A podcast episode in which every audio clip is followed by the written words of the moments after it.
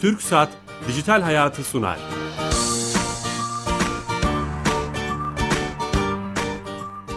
Merhaba, Kenan Bölükbaş ve Ali Fuat Gülmez'in yapımcılığını, Sedat Karabel'in teknik yönetmenliğini, Bilal Eren'in danışmanlığını yaptığı teknoloji ve sosyal medya programı Dijital Hayat başlıyor.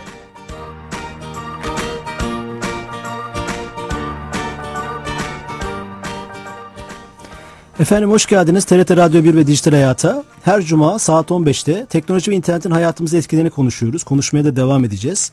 Bu cuma teknik olarak çok konuştuğumuz ama hukuki pencereden çok bakmadığımız internet erişimi hakları ve bu hakların sınırlarını konuşacağız. Tam da bugünlerde bu konuyla ilgili çok değerli bir rapor yayınlandı. Ee, çok fazla şapkası olan Selçuk Üniversitesi Hukuk Fakültesinden öğretim üyesi yardımcı doçent doktor Murat Dumay hocamız aynı zamanda SETA uzmanı ve İnsan Hakları Merkezi Müdürü Denetim ve Özgürlük ikileminde internet erişimi, Türkiye'de internet erişimi konulu bir rapor yayınladı. Bu raporu tüm detaylarıyla konuşacağız. Çok ufuk açıcı bir sohbet olacağını düşünüyorum. Hoş geldiniz Murat Hocam. Hoş bulduk Bilal Bey. Çok teşekkür ederim. Biz teşekkür ederiz. Öncesinde bizim destekçimiz, bu programı yapmaya başladığımızdan beri destekçimiz TürkSat'ın işlettiği Türkiye Gov.tr hepimizin kullandığı E-Devlet Kapısı, e, Türkiye Gov.tr'nin bir özelliğini oradaki uzman direktör arkadaşımıza bağlanıyoruz. O her hafta bize e, bir özelliğini, bir servisi anlatıyor ve hayatımızı kolaylaştıran bu servisi anlatmış oluyor. Tuğan Bey sanırım hatta, Tuğan Avcıoğlu. Alo. Tuğan Bey. Sesim geliyor mu Bilal Bey? Geliyor geliyor üstadım. Nasılsınız? Teşekkür ederim. Sağ olun. Sizler nasılsınız? Sağ olun. Bu hafta hangi özelliği bize anlatıyorsunuz? Aslına bakarsanız e, konuğunuzla konuşmayı planladığınız konuyla ilgili e, bir bilgilendirme yapmakta fayda görüyorum. Çünkü çok fazla karşılaşıyoruz bu soruyla. Tamam. Hani yine kişisel veri güvenliği çerçevesinde hukuki noktada e-devlet kapısı ne kadar güvenlidir gibi bir yaklaşım var. E, bu değişik kanallarda bu soru bize ulaşıyor. Evet. E, biz bunu e, defalarca farklı e, konularda, farklı yerlerde planlar e, bildiriyor olmamıza rağmen hala akıllarda soru işareti olarak kalabiliyor. Bunu vurgulamakta fayda var düşünüyor diye düşünüyorum. Çok iyi olur. Da, e, izniyle. E, şöyle bir konu var, bilginiz olsun. E, tekrar e, tüm e, buradan dinleyicilere bildirmekte fayda var. E-Devlet Kapısı, evet tüm e, kamu hizmeti yani kamu tarafında verilen bilgilerin tek bir noktadan sunulmasını sağlıyor olar, oluyor olması e, sanki vatandaşlar tarafından bu verilerin tek bir noktada toplandığı e, imajını veriyor. Ama aslında öyle bir durum yok bakıldığında. Hı hı. E, tek bir noktada bir veri toplanması veya işte verinin tek bir havuzda birleşmesi gibi bir durum söz konusu değil. Biz tabiri tam yani ismiyle müsemma e, biz e-devlet kapısıyız. Yani kapıya açılan noktayız aslına bakarsanız. Tüm güvenliği sağlanmış bir altyapı kuruyoruz. Burada vatandaş e-devlet kapısına girdiği zaman örneğin e, dava ile ilgili durumunu öğrenmek istiyor. Girdiği anda hizmete tıkladığında veriyi gidip alıyoruz ilgili kurumdan vatandaşın önüne getirip o gerekli veriyi öğrendikten sonra da biz veriyi siliyoruz. Zaten var olan ge- veriye gidiyorsunuz yani. Oraya bir kapı açıyorsunuz. Aynen öyle e, ve güvenli bir şekilde ulaştırmayı sağlıyoruz. E, Burada e, veriyi hiçbir zamanda içerik olarak diyorum tutmuyoruz. Ama e, verinin bu işte vatandaşın hangi tarihte girdiğini, hangi veriyi sorgulamak istediği bir iz kaydını tutuyoruz. Ki bu iz kaydı sonrasında bir hukuki e, davalık bir durum söz konusu olduğu zaman, savcılık tarafından bizden bununla ilgili bir, e, bir iz kaydı istendiği zaman bunu sunabilmek için. Çünkü bu e, sayede e, herhangi bir hukuki sonuca da e, destek verebilmek için bu anlamda böyle bir çalışma yapıyoruz. Ama hiçbir zaman içeriğini görmüyoruz ve hiçbir zaman da tutmuyoruz bir kenarda. Eskiden araştırma yapılırdı. Belki hala da yapılıyor. En, en güvenilir kurum nedir diye bazı sonuçlar çıkardı. Sanırım e, en, en güvenli internet sitelerinden e, sıralaması geçisi, e, yapılsa veya böyle bir araştırma E-Devlet e, kapısı Türkiye Gov.tr en başta çıkacak diye düşünüyorum. Gerçekten bu konuda hani bu işi iyi yaptığınızı düşünüyorum. Ben de şahsın olarak, şahsi olarak, Teşekkür teknik biri ederim. olarak. E, Ya burada istiyoruz ki tüm vatandaşlarımız oradan buradan e, afaki verilerle işte kandırılma noktasında da hani bu emniyet verilerini de artık sunmaya başlıyoruz. Çok daha çeşitli veriler sunuyoruz. E, gitmesinler. Ta, sadece devlet kapısında bulabilecekleri verilerin hepsini gelip bizden al- alsınlar ve güvenilir bir şekilde. E, hiçbir şekilde de e, burada şeyler anlaşılmasın. Verinin içeriğiyle ilgili herhangi bir saptama. Çünkü verinin kaynağından gidip alıp veriyoruz. Saptırma da söz konusu olmadan vatandaş önünde sunabiliyoruz. Eyvallah. Bunun mobil tarafında da sunuyoruz. E, artık daha da gelişmiş şekilde. Eyvallah. Çok teşekkürler bu bilgi için. Ee, güvenle kullanmaya devam edeceğiz. Çok teşekkür ederim. Size iyi sohbetler. Sağ olun. Haftaya görüşürüz inşallah. Kolay gelsin. Evet, e, güzel bir hem konumuzla da e, ilgili bir şey olmuş oldu. Hocam şimdi çok değerli bir rapor yayınladınız. Hem de bugünlerde hani bu sosyal medyanın, internetin 200 senedir çok konuşuluyor. Özgürlük mü, denetim mi? Bu bir ikilem gerçekten. İsmi de çok hoş olmuş. E, bu nerede başlar, nerede biter? Bu özgürlük gerçekten zor bir konu. E, e, hukuki olarak baktınız, bu çok önemli. E, neler söylersiniz? Nasıl başlayalım? Evet, e, yani kesinlikle tabii ki e, özgürlük ve e, denetim ya da özgürlük ve güvenlik dengesi nasıl korunacak? Bu önemli bir soru ve cevabı da e, kolay alınabilecek, kolay verilebilecek bir soru değil. Dediğiniz gibi internet artık hayatımızın vazgeçilmez bir parçası e, ve hayatımızı çok kolaylaştıran bir şey. Bir, bir imkan aslında, bir mecra ve bu mecrayı doğru kullandığımız zaman e, birçok fayda elde edebileceğiz bireysel olarak da ve toplumsal olarak da. Aslında insanlığın gelişmesinin bir sonucu. E, ama tabii e, her imkanda, her mecrada olduğu gibi internetin de tabii ki yani kötüye kullanılabilmesi mümkündür. Kötü taraflarının olabilmesi mümkündür. Mesela suç için kullanılabilmesi mümkündür. E, bu tür dezavantajları var diye bir mecrayı, bir imkanı tamamen ortadan kaldırmak da çok mantıklı değil. Çünkü ö- ö- öbür taraftan faydaları, avantajları, bize sunduğu imkanlar, hayatımızı kolaylaştırdığı imkanlar e, vazgeçilecek şeyde değil, e, durumda değil. Ee, ve günümüzde evet yani sosyal medya dediğimiz yeni bir artık mecra, yeni bir platform e, var ve çok yaygın bir şekilde e, kullanılıyor. Evet Be, biz bu raporu e, hazırlarken böyle bir ihtiyaç olduğunu e, hissettik. Evet, e, yani bu mükemmel bir imkan ama aynı zamanda e, zaman zaman suç platformu da olabiliyor ya da başka insanların haklarına tecavüz edilen e, onların kişilik haklarının na tecavüz edilebilen, özel hayatlarının gizli olması gerekiyor. Bu bir haktır. Ona tecavüz edilebilen bir platform olabiliyor. Dolayısıyla e, ama bir yandan da özgürlük de istiyor tabii, insanlar. Bir yandan Şimdi da, bu şeyi nasıl sağlayacağız? Beraber? Evet, bu dengeyi nasıl sağlayacağız? Buna bakmak istedik. Ee, e, evet, e, şimdi bu aslında temelde bir insan hakları meselesi. Bir insan hakları e, problemi. E, insan hakları bildiğimiz gibi insanların aslında herhangi bir e, yükümlülük yüklenmeden, herhangi bir şartı yerine getirmeden sahip olduğu temel haklar. Ve bu temel hakların da korunması gerekiyor. Devletin bu temel hakları koruması devlet için bir yükümlülüktür.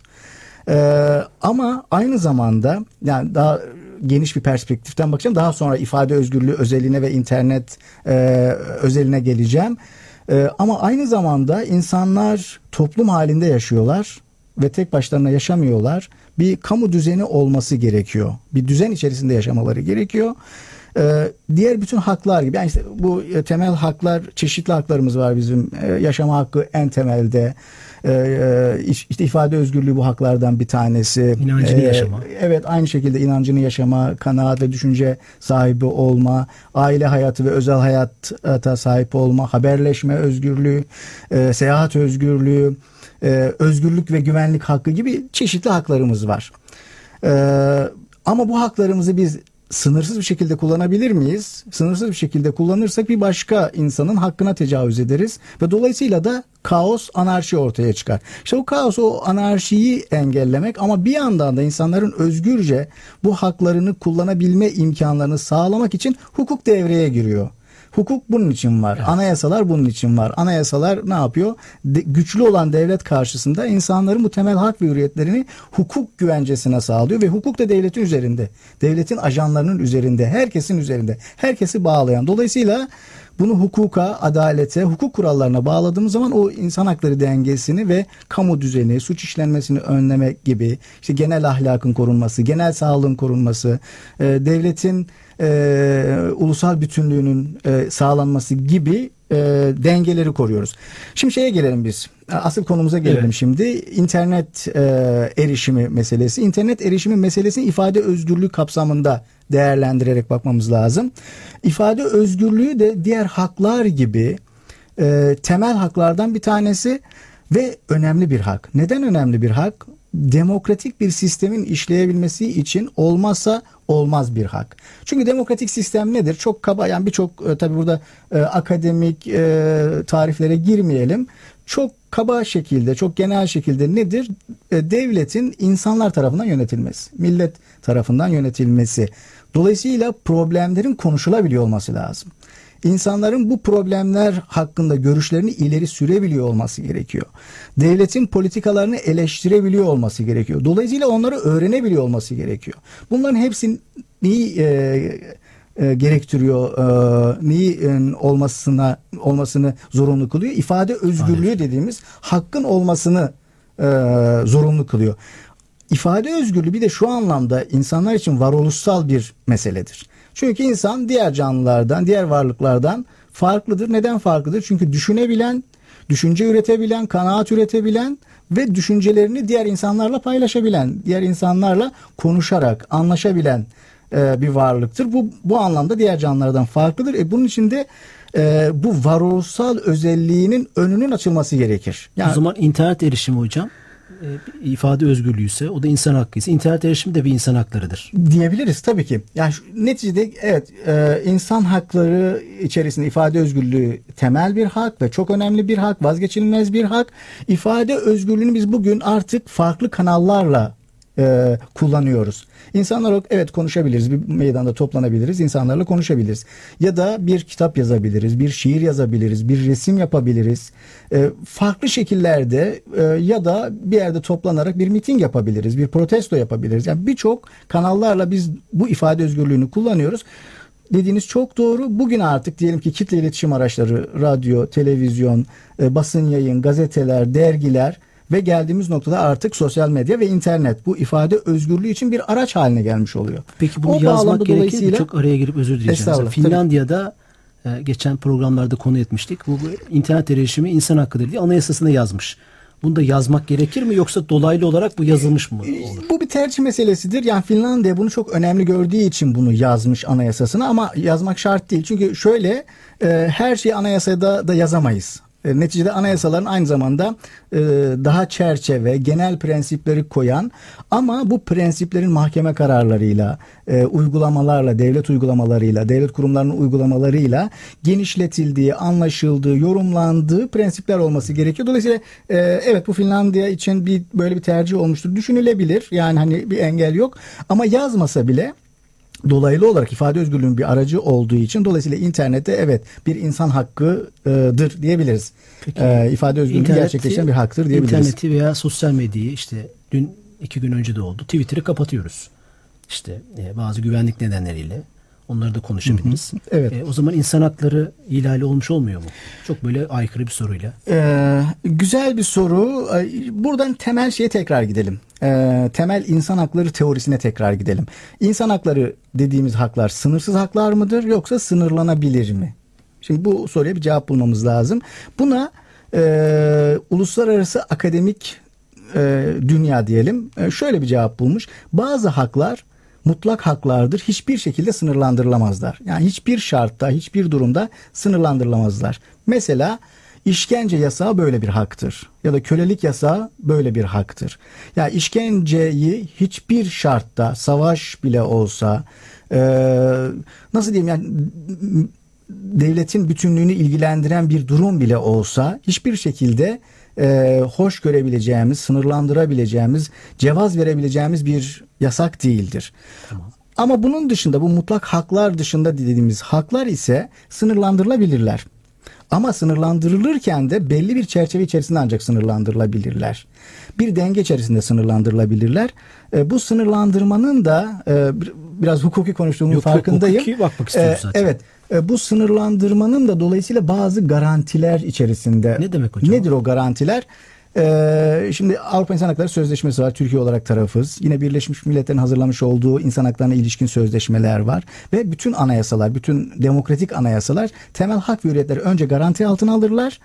Ve demokratik bir toplumda gerekli olduğu ölçüde sınırlanabileceğini de hüküm altına alırlar.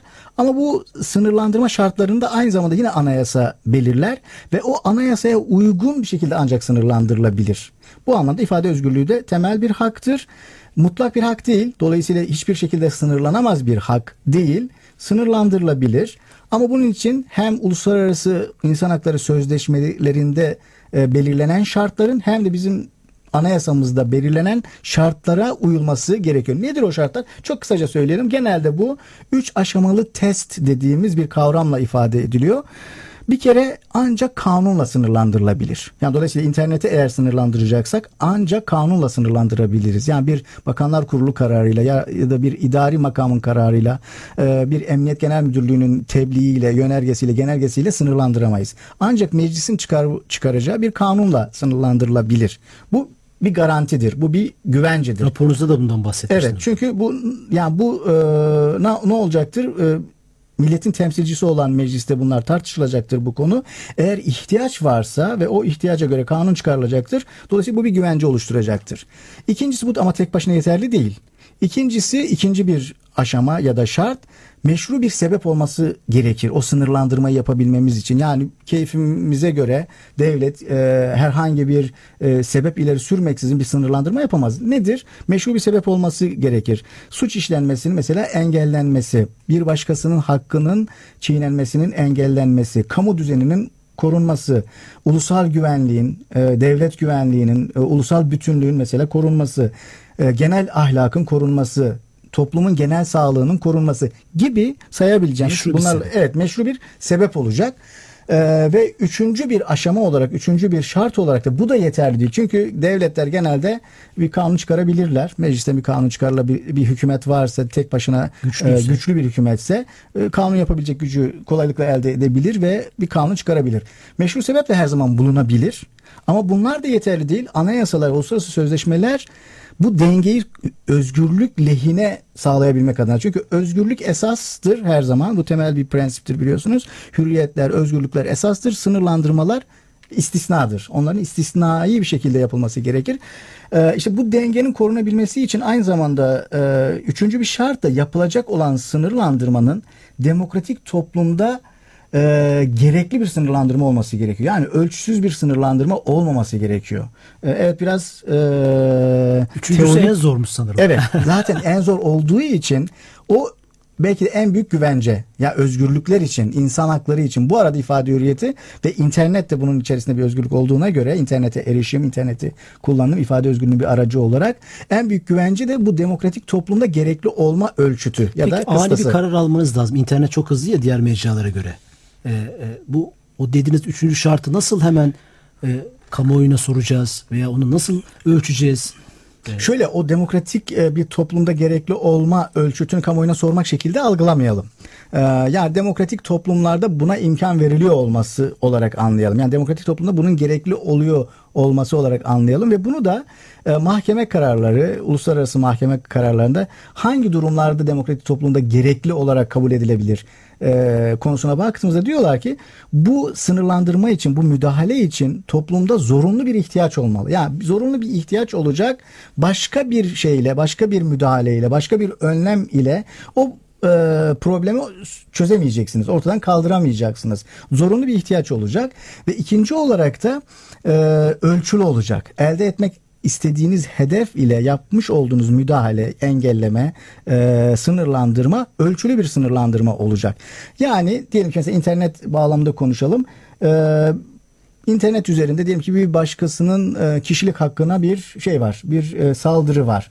O saldırıyı sadece o saldırıyı kaldırarak e, engellemeniz mümkün ise bu ölçülü bir müdahale olacaktır. Ama onu yapmayıp yani bu mümkün iken diyelim onu yapmayıp tamamen internete erişimi kapatmak ölçüsüz bir müdahale olmuş olacak. çok güzel Dolayısıyla insan haklarını ihlal eden bir müdahale olmuş olacaktır. Genel olarak bir hani gene bir soru soracağız. Ya Tabii ki. Suruç'taki olay işte hepimizin buradan Allah'tan rahmet diliyoruz.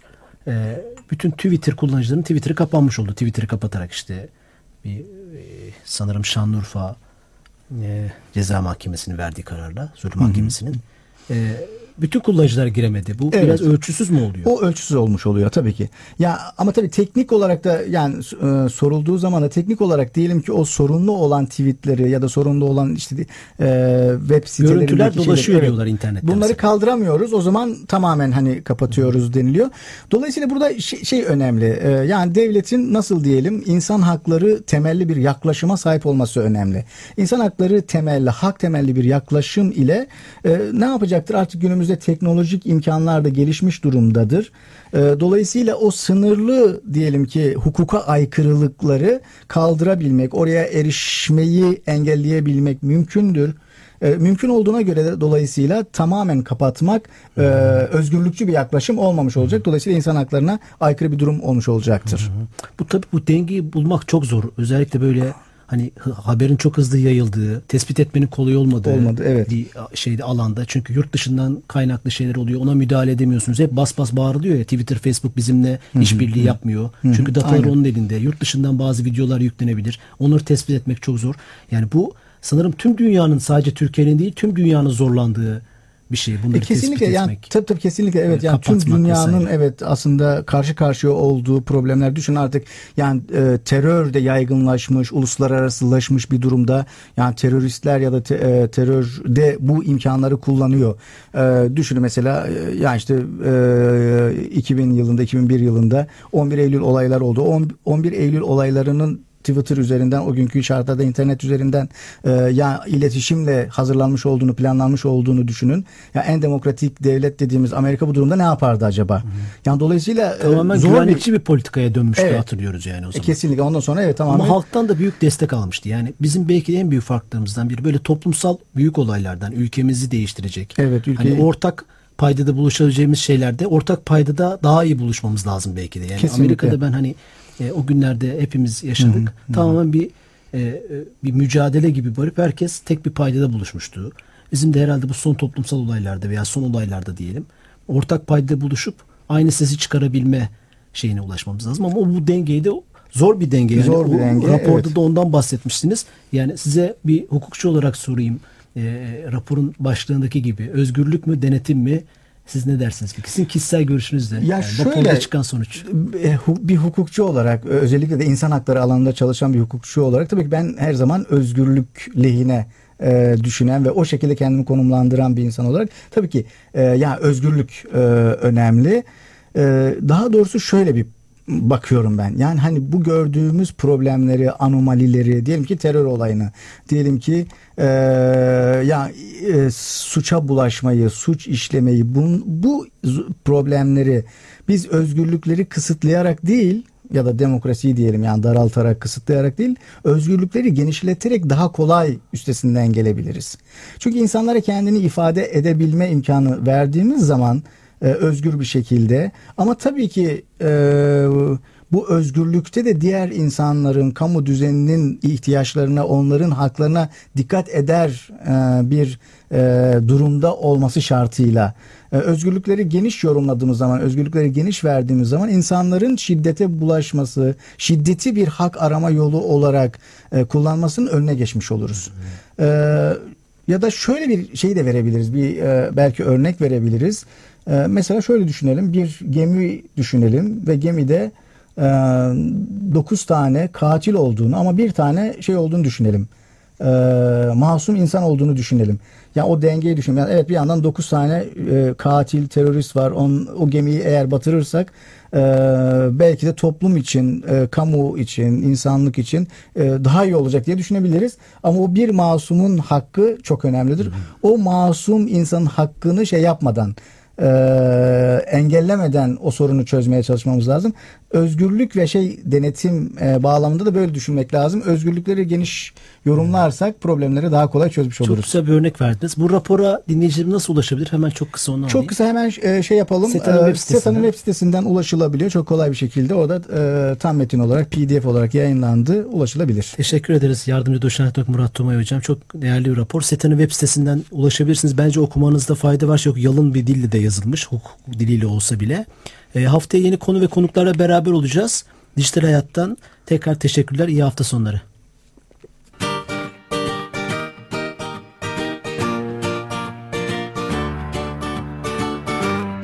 TürkSat Dijital Hayatı sundu.